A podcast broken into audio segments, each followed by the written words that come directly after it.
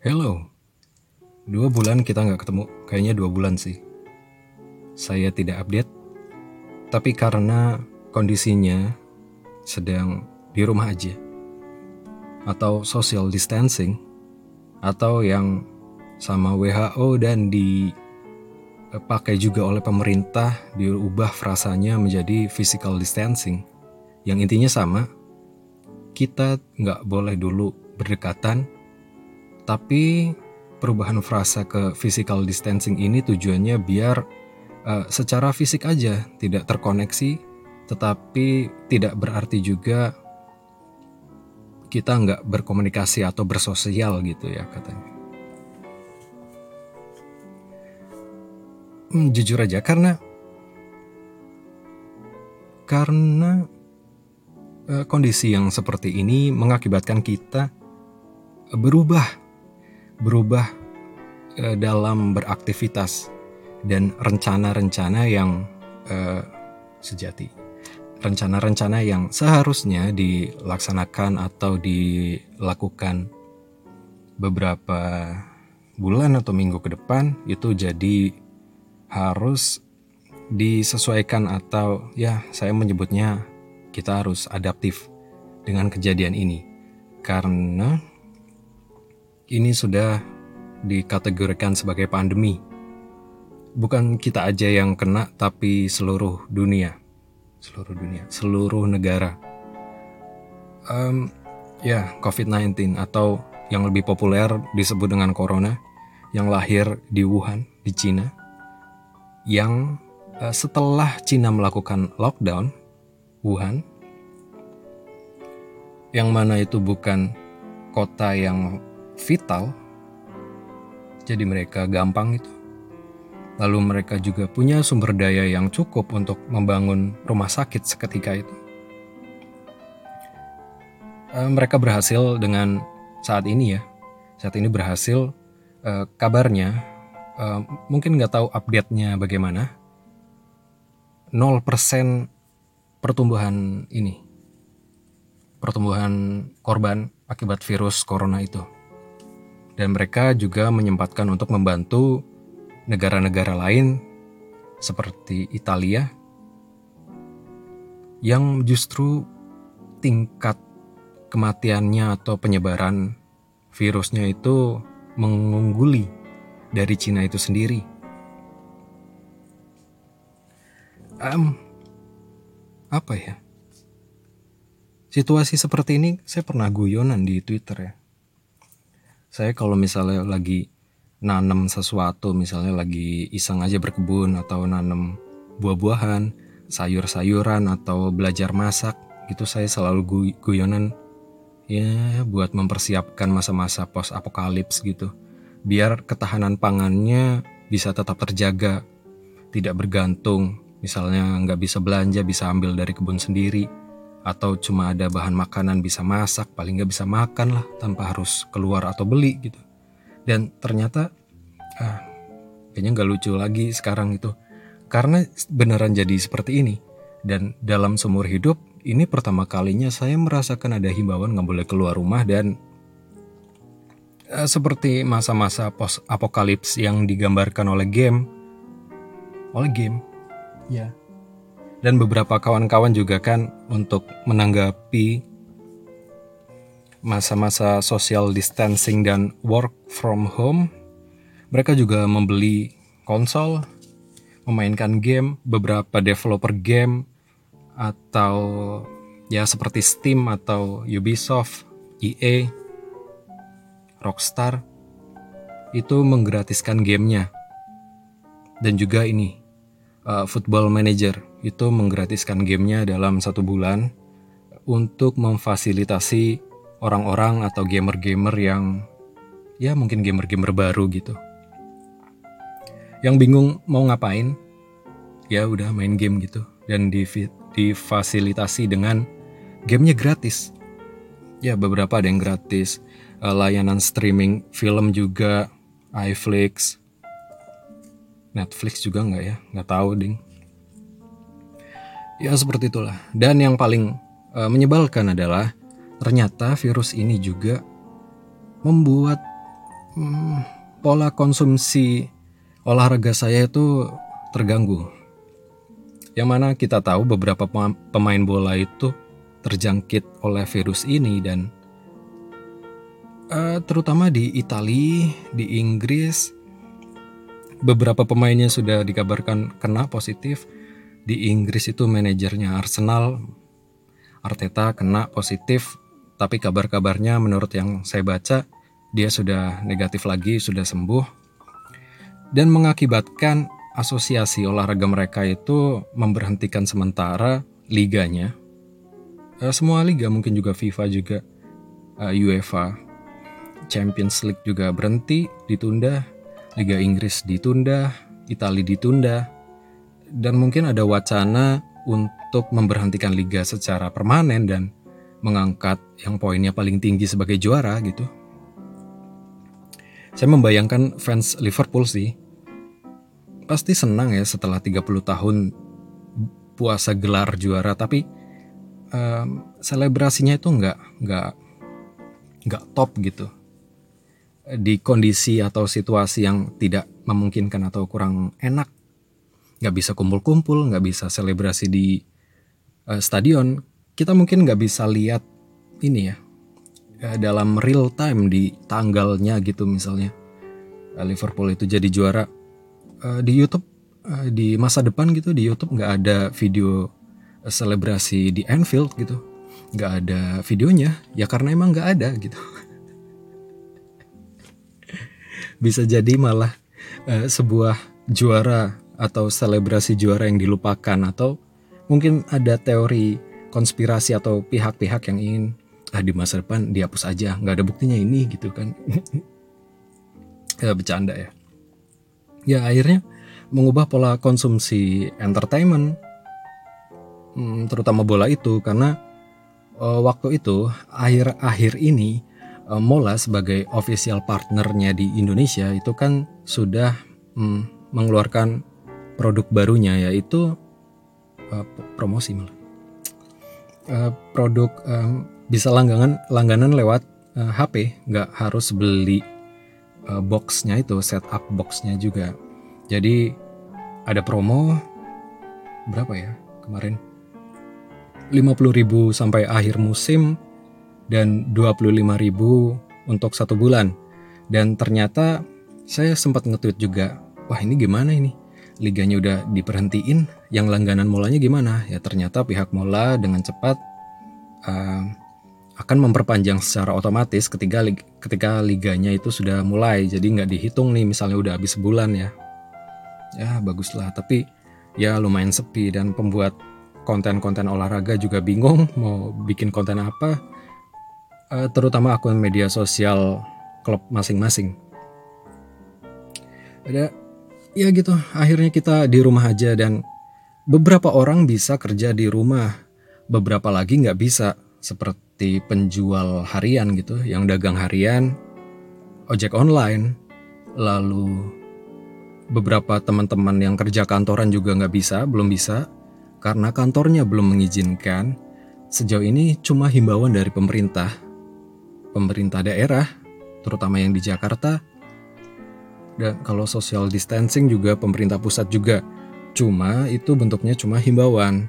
Tapi ketika himbauan itu tidak didukung dengan regulasi misalnya ya ditegesin aja emang emang nggak boleh keluar rumah dan kerjanya di rumah gitu harusnya seperti itu ketika cuma himbauan yang keluar ya kalau kantor bilang harus masuk ya gimana ya harus masuk kan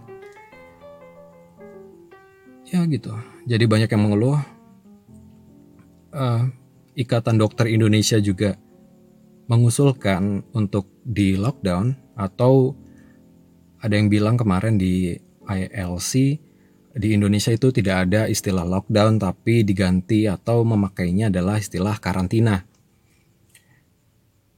Uh, Ikatan Dokter Indonesia mewanti-wanti atau memberi usulan untuk segera diberlakukan itu karantina atau lockdown itu untuk memutus penyebaran virus. Karena masalahnya banyak sekali. Kita seperti tidak siap, tidak siap. Uh, dokter-dokternya sangat kewalahan dan kasihan gitu eh, di mana jumlah dokter standar pelayanannya lalu kapasitas masing-masing rumah sakit yang mana kita tahu di Indonesia ini kan tidak merata. Yang besar atau yang punya kapasitas bagus biasanya di kota besar sedangkan di daerah ya seperti itulah. Bisa dibilang bisa tapi tidak stop yang di kota besar. Sedangkan penyebaran ini bukan hanya ada di Jakarta, yang terbesar di Jakarta tapi di beberapa daerah seperti di sini di Purwokerto, di Banyumas sudah mulai ada ODP dan yang positif eh, beberapa kabar menurut uh, sosial media validnya saya nggak tahu Katanya juga beberapa orang yang dari Jakarta itu mudik ke kampung, yang mana penyebarannya bisa lewat mereka. Ya gitu. Nanti misalnya di daerah-daerah kecil yang tidak memiliki kapasitas rumah sakit, tenaga medis, atau penunjang alat-alat kesehatan gitu, atau um, alat tes, gimana? pasti nggak bisa dikendalikan. Dan kabar yang beredar juga COVID-19 ini juga di berbagai orang gejalanya beda-beda. Ada yang tidak menunjukkan gejala, ada yang seperti influenza, ada yang langsung kehilangan kemampuan untuk uh, di pernapasannya, tergantung sistem imunnya katanya dan yang bahayanya adalah ketika kita nggak tahu kalau kita itu positif. Karena kita nggak menunjukkan gejala. Seperti yang dialami oleh Tom Hanks, katanya mereka, kok mereka? Katanya dia dan istrinya setelah di Australia, setelah lagi di Australia, uh, dites ternyata positif. Padahal dia tidak punya gejala apa pun. Hmm, beberapa public figure juga ya kena, kena gitu. Ya tapi itu public figure punya sumber daya yang bagus, akses ke kesehatan atau urusan medikalnya juga bagus, uangnya juga bagus. Jadi ya saya tidak terlalu mengkhawatirkan mereka. Yang jadi poin atau uh, kekhawatiran utama itu adalah orang-orang yang tidak punya atau belum siap secara sumber daya menghadapi kejadian seperti ini. Orang-orang yang kerja harian, yang misalnya kalau bahasa saya, tanda kutip, yang kalau besok nggak besok nggak kerja itu, ya besok nggak makan gitu. Nggak ada saving, nggak ada tabungan. Kalau nggak jualan, nggak dapat duit, yang mana itu nggak makan hari itu, itu sangat rentan. Uh, belum lagi dengan hmm, um, gaya komunikasi juru bicara dari pihak pemerintah. Beberapa ada yang bagus? Beberapa. Seperti gubernur Jakarta Jawa Barat dan yang lainnya itu sudah lumayan sudah lebih hati-hati dalam menyampaikan informasi dan seperti yang saya pernah bilang di podcast terakhir mungkin atau yang pernah kamu baca di mana seperti Menteri Kesehatan atau juru bicara untuk penanggulangan corona ini agak sedikit membingungkan dan beberapa sudah masuk ke konten YouTube beberapa konten creator dan jawabannya sungguh tidak menenangkan atau membuat gamang gitu ya. Ya gimana? Hmm, hmm, hmm. Saya semalam ngikutin ini ILC yang isinya bintang tamunya ada banyak dokter dan juru bicara kepresidenan serta mantan menteri ekonomi, lalu banyak tokoh di sana juga. Ya, ketika kita berpikir lockdown atau karantina, saya melihat ada dua benturan di sini, yang mana kita harus lebih percaya kepada dokter atau orang yang kompeten di bidang kesehatan kali ini untuk lebih didengar suaranya misalnya uh, mereka mau wanti-wanti apa untuk social distancing atau physical distancing Oke, berarti kita harus nurut. Uh, harus lockdown. Oke, tapi ketika lockdown, hmm, ketika lockdown itu bukan hanya soal penyebaran virus, ya positifnya adalah kita bisa meminimalisir penyebaran virus ini karena kita nggak ketemu dulu nih biarin yang terkena itu dirawat hingga sembuh hingga virusnya hilang baru kita muncul lagi gitu beredar lagi. Tapi masalahnya adalah di sektor ekonomi. Uh, kita nggak mau mana ada negara yang mau dapat kondisi seperti ini apalagi seperti Indonesia yang tidak siap menurut saya. Indonesia yang tidak siap orang-orangnya juga tidak siap misalnya itu himbauan lockdown tapi atau social distancing nggak boleh keluar rumah. Tapi misalnya yang boleh uh, diakomodasi oleh kantor dan gaji bulanan tetap dapat punya tabungan ini ya tinggal nurut. Tapi sedangkan misalnya pedagang pekerja informal uh, tukang ojek uh, cleaning service ya yang seperti itu yang kalau yang tadi saya bilang kalau hari ini nggak kerja, ya hari ini nggak makan, besok nggak kerja, besok nggak makan, gimana? Hmm. Menurut yang saya baca, seharusnya ketika ada um, gini deh, yang memberikan wanti-wanti atau anjuran adalah pihak dokter misalnya, tapi pemerintah itu memfasilitasi skenario nya saya bilangnya seperti itu. Skenario terbaik. Uh, beberapa mungkin ada yang heran kenapa saya tidak waktu kemarin di stories bilang di stories Instagram bilang sosial eh di rumah aja itu bukan buat semua orang. Ya beberapa teman dari yang yang kerja di kesehatan itu tapi kan gini-gini tapi kan ya karena saya tidak melihat cuma dari satu variabel itu. Tapi juga variabel lain seperti ya ekonomi itu. Bagaimana caranya orang atau kelompok masyarakat yang tidak tidak terbackup oleh pemerintah atau bahkan dirinya sendiri nggak bisa membackup dirinya sendiri gitu untuk memenuhi kebutuhan pokoknya makan gimana ya seharusnya memang misalnya pemerintah melakukan karantina kesehatan di undang-undangnya itu diatur juga kalau misalnya memang resmi berarti segala bentuk kebutuhan pokok warga negaranya itu ditanggung oleh negara. Itu baru bisa benar-benar social distancing dan di rumah aja. Selagi itu enggak diberlakukan dan kantor masih ngotot tetap bilang harus berangkat, kalau nggak upah dipotong atau bahkan ancaman pemecatan, ya sama aja. Kita sebagai aktor misalnya, saya menggambarkannya kita tuh aktor atau selingan lah, figuran gitu. Kita nggak bisa nuntut apa-apa, kecuali sutradaranya sudah menyiapkan skenario terbaik.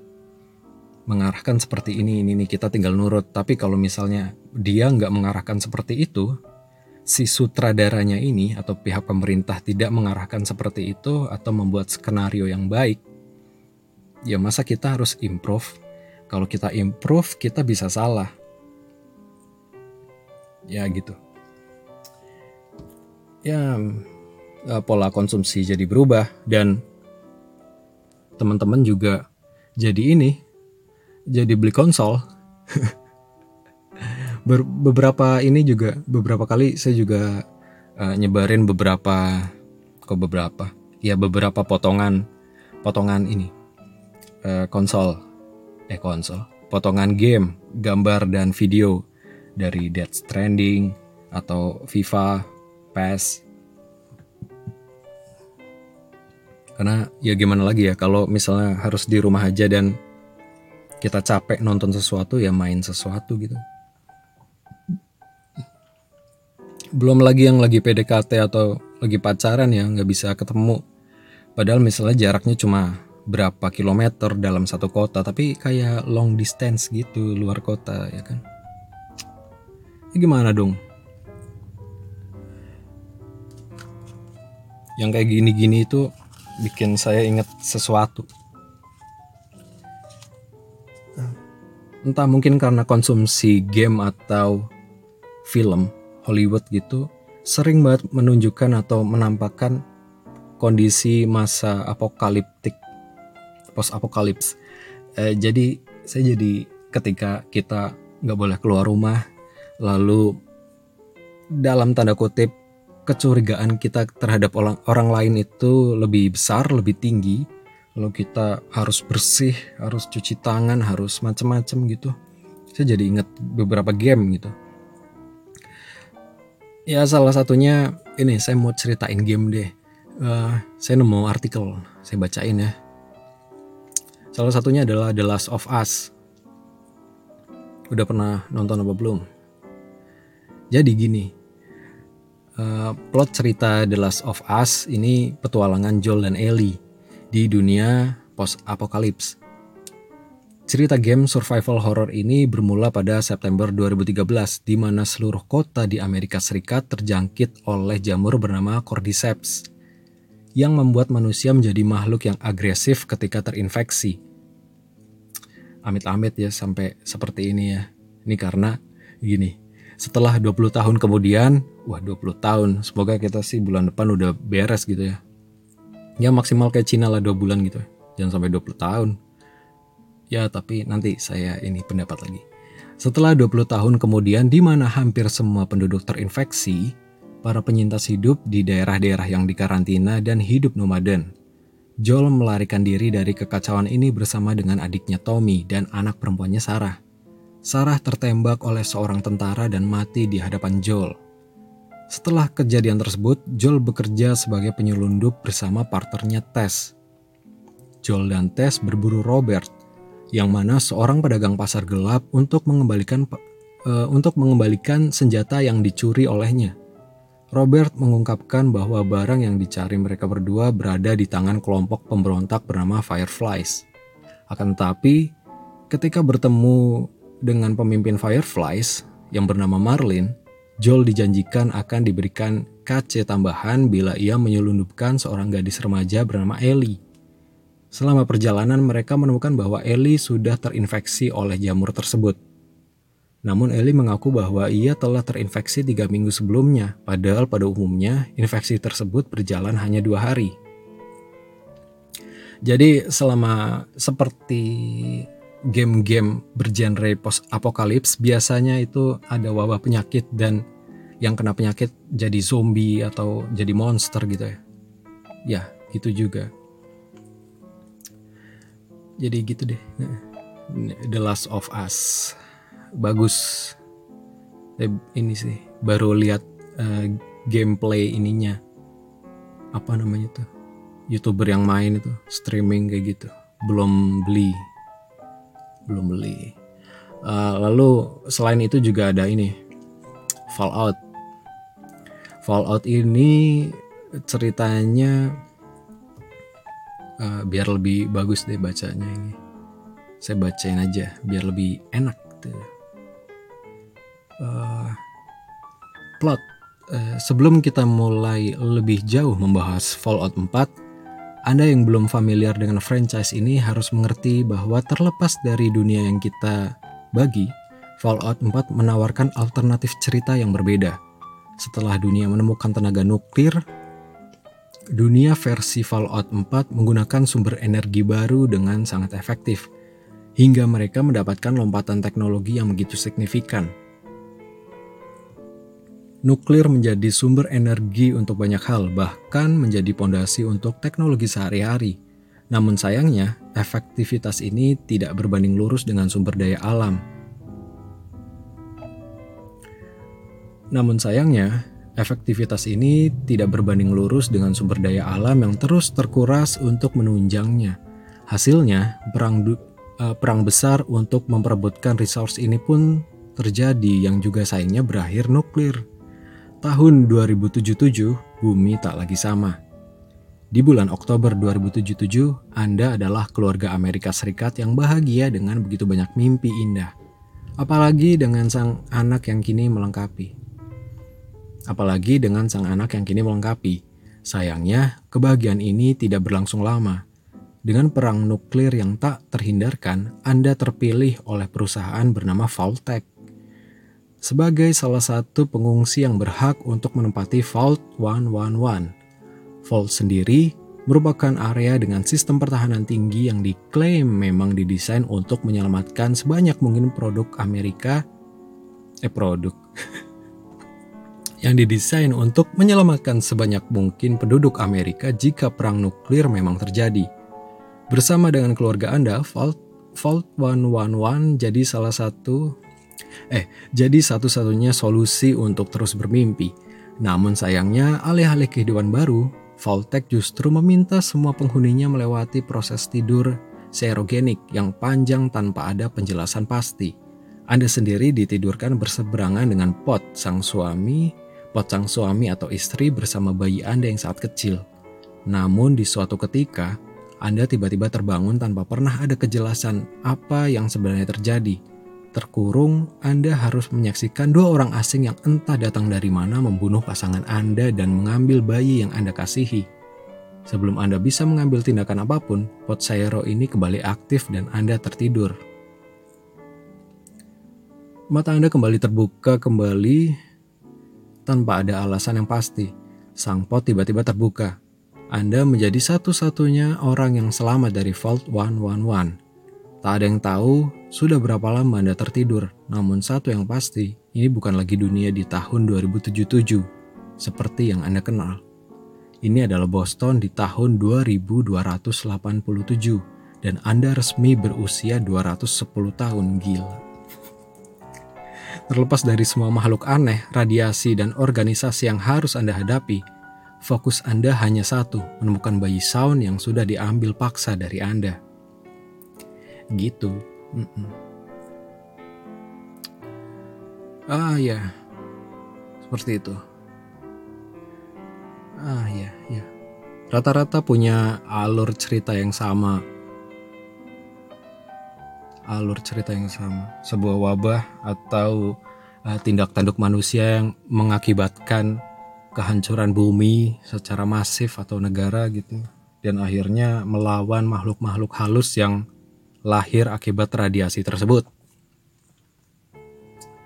Dan juga hmm, saya jadi ingat ini uh, Dead Stranding juga, yang mana dia juga hmm, sembarang orang bisa keluar rumah berkelana di dunia gitu di lingkungan.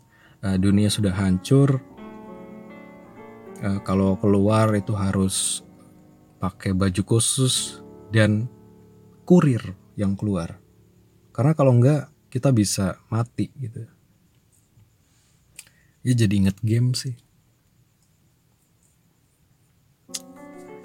Ah gimana ya? Oh ya ini. Soal alasan dibalik pengubahan frasa itu. Bentar saya nyontek.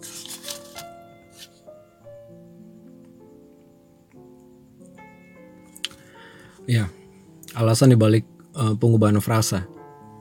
Dalam sebuah transkrip WHO yang beredar belakangan ini dan juga dibagikan yang juga dibagikan oleh pemerhati bahasa Indonesia Ivan Lanin di akun Twitternya, ada alasan menarik kenapa WHO mengganti frasa social distancing menjadi physical distancing.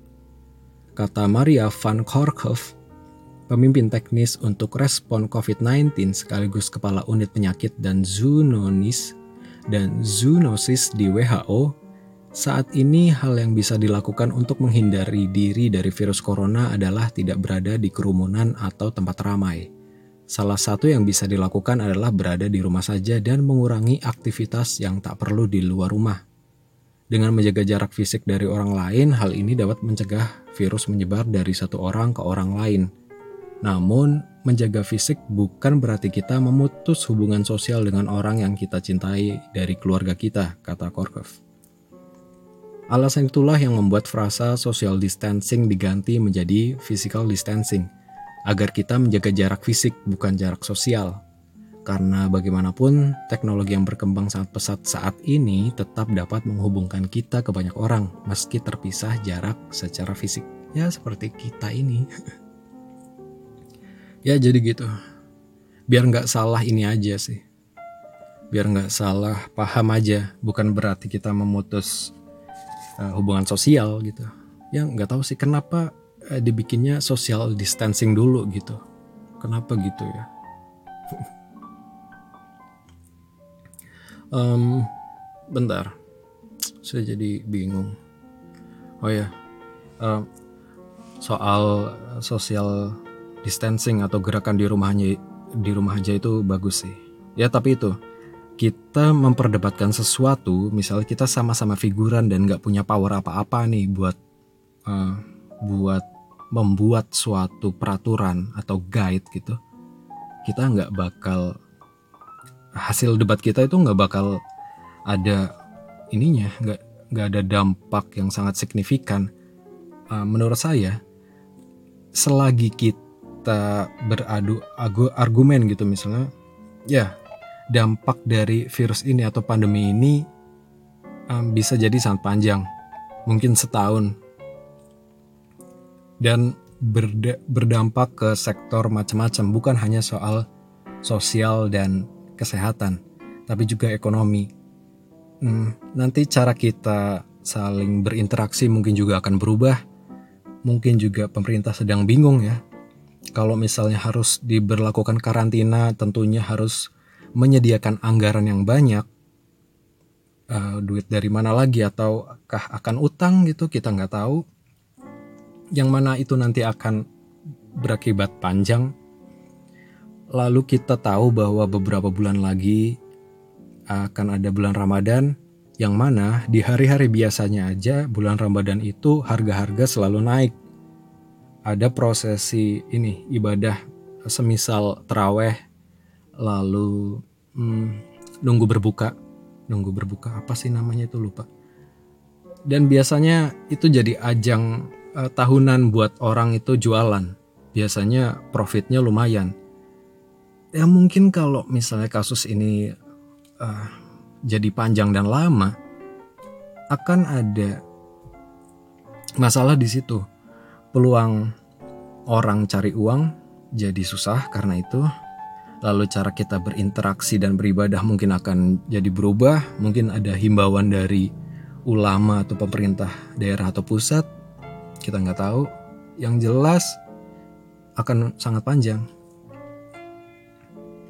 syukur-syukur dan jangan sampai kita ini sih kita krisis lagi. Semalam ada opsi saya dengar di ILC itu ya mungkin bisa jadi kita terpaksa mencetak uang lagi biar nggak inflasi.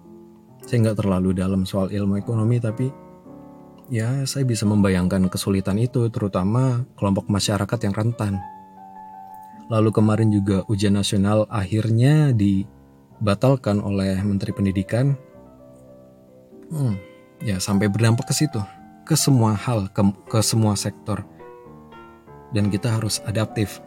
Dan selagi kita belum diberi guide atau skenario terbaik harus bagaimana oleh pemerintah pusat ataupun daerah, ya kita saling bantu. Uh, ide atau ucapan dari Dokter Tirta semalam itu, uh, ya itu sesuai dengan apa yang emang saya pikirin dan uh, latar belakang kenapa saya nulis story seperti itu. Di rumah aja bukan buat semua orang.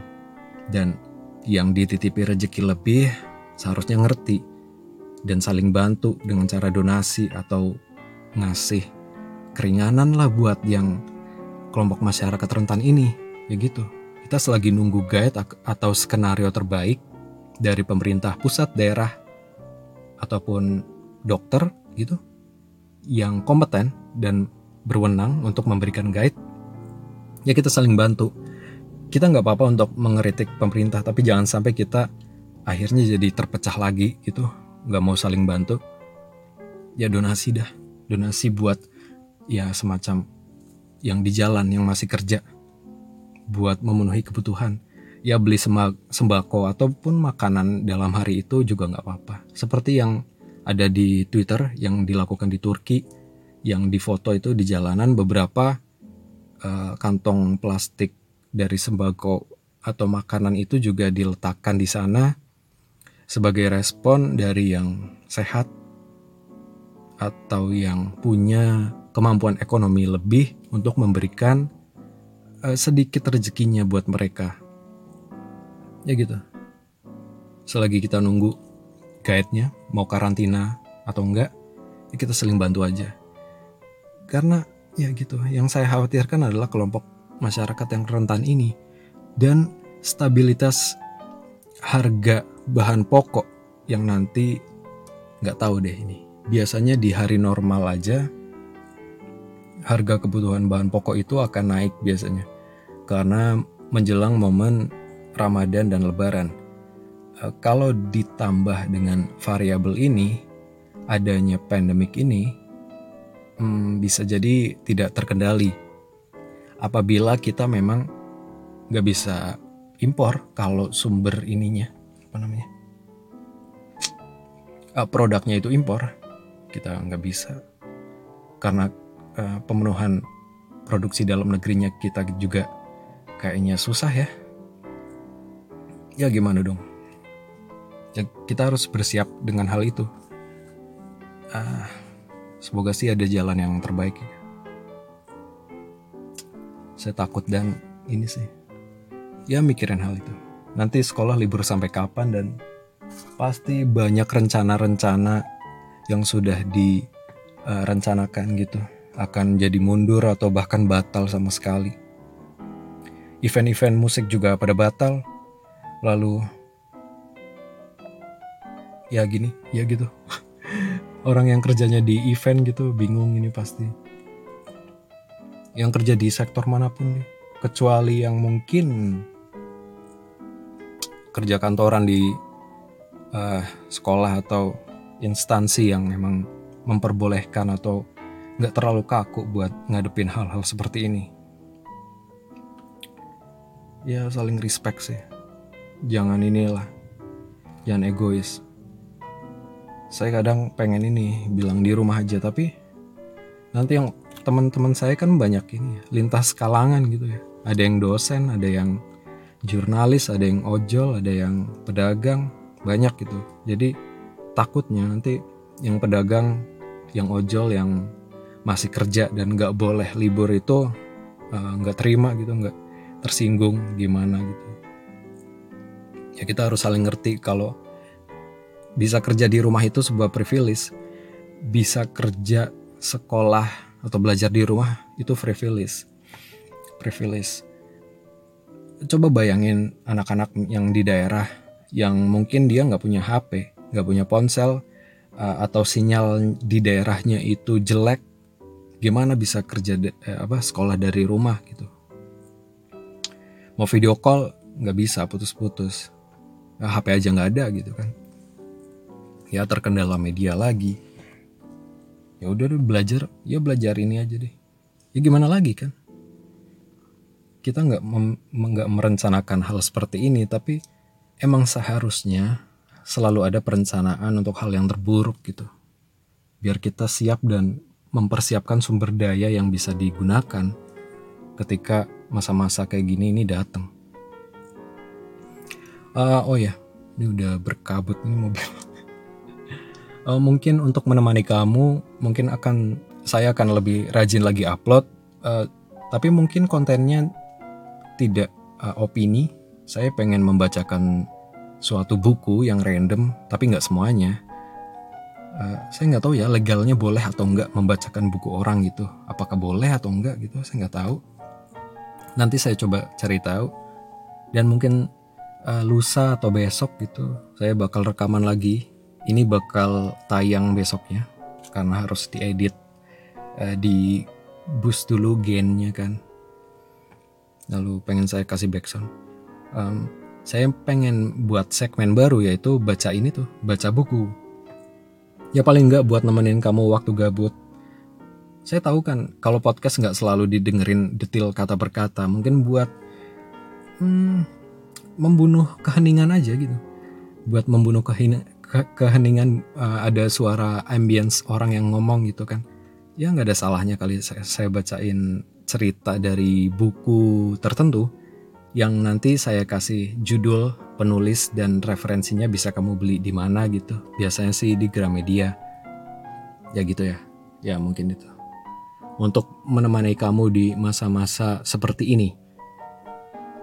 Dan apalagi ya, oh ya, kalau kamu ada saran atau tanya atau mau sekedar cerita dan kamu nggak pengen email, ya udah di Instagram atau di Twitter aja @faizjelang.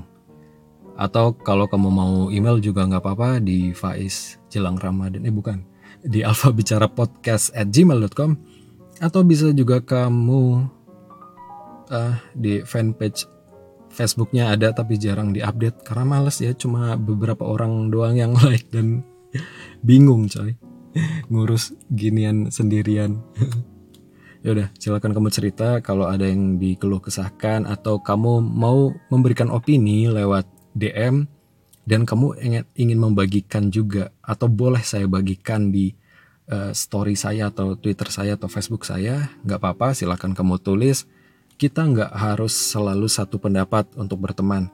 Berteman beda pendapat itu nggak masalah. Uh, berdebat tapi harus tahu konteks uh, referensi dan konklusinya. Jangan karena nurutin emosi gitu. Ya di masa seperti ini kita harus saling bantu dan uh, respect lah, berempati. Gak semua orang punya privilege buat tinggal di rumah aja. Walaupun penyebaran dari luar, tapi ya gimana harus harus makan kebutuhan pokok gitu. Pemenuhan kebutuhan pokok masing-masing dari kita itu nggak sama. Belum ada yang mentas banget gitu sampai bisa mem membeli atau mengkonsumsi produk hiburan. Ada yang eh, nggak uh, bisa gitu, belum masih tidak stabil dan kita harus berempati. Selain berempati juga juga kita harus saling support, menolong. Bukan hanya bukan cuma kata-kata tapi juga ya bahan baku gitu gitu uh, sampai ketemu lagi di episode selanjutnya dan Alpha bicara podcast signing out jaga kesehatan yang di rumah dan bisa kerja dari rumah ya di rumah aja nggak usah bandel yang belum yang masih masuk kantor semoga cepat-cepat dibolehin kerja dari rumah dan untuk yang ojol pedagang ya sabar ya semoga ada insentif dari uh, kantor tempat kalian bekerja atau dari pemerintah daerah atau pusat gitu ya. Bye bye.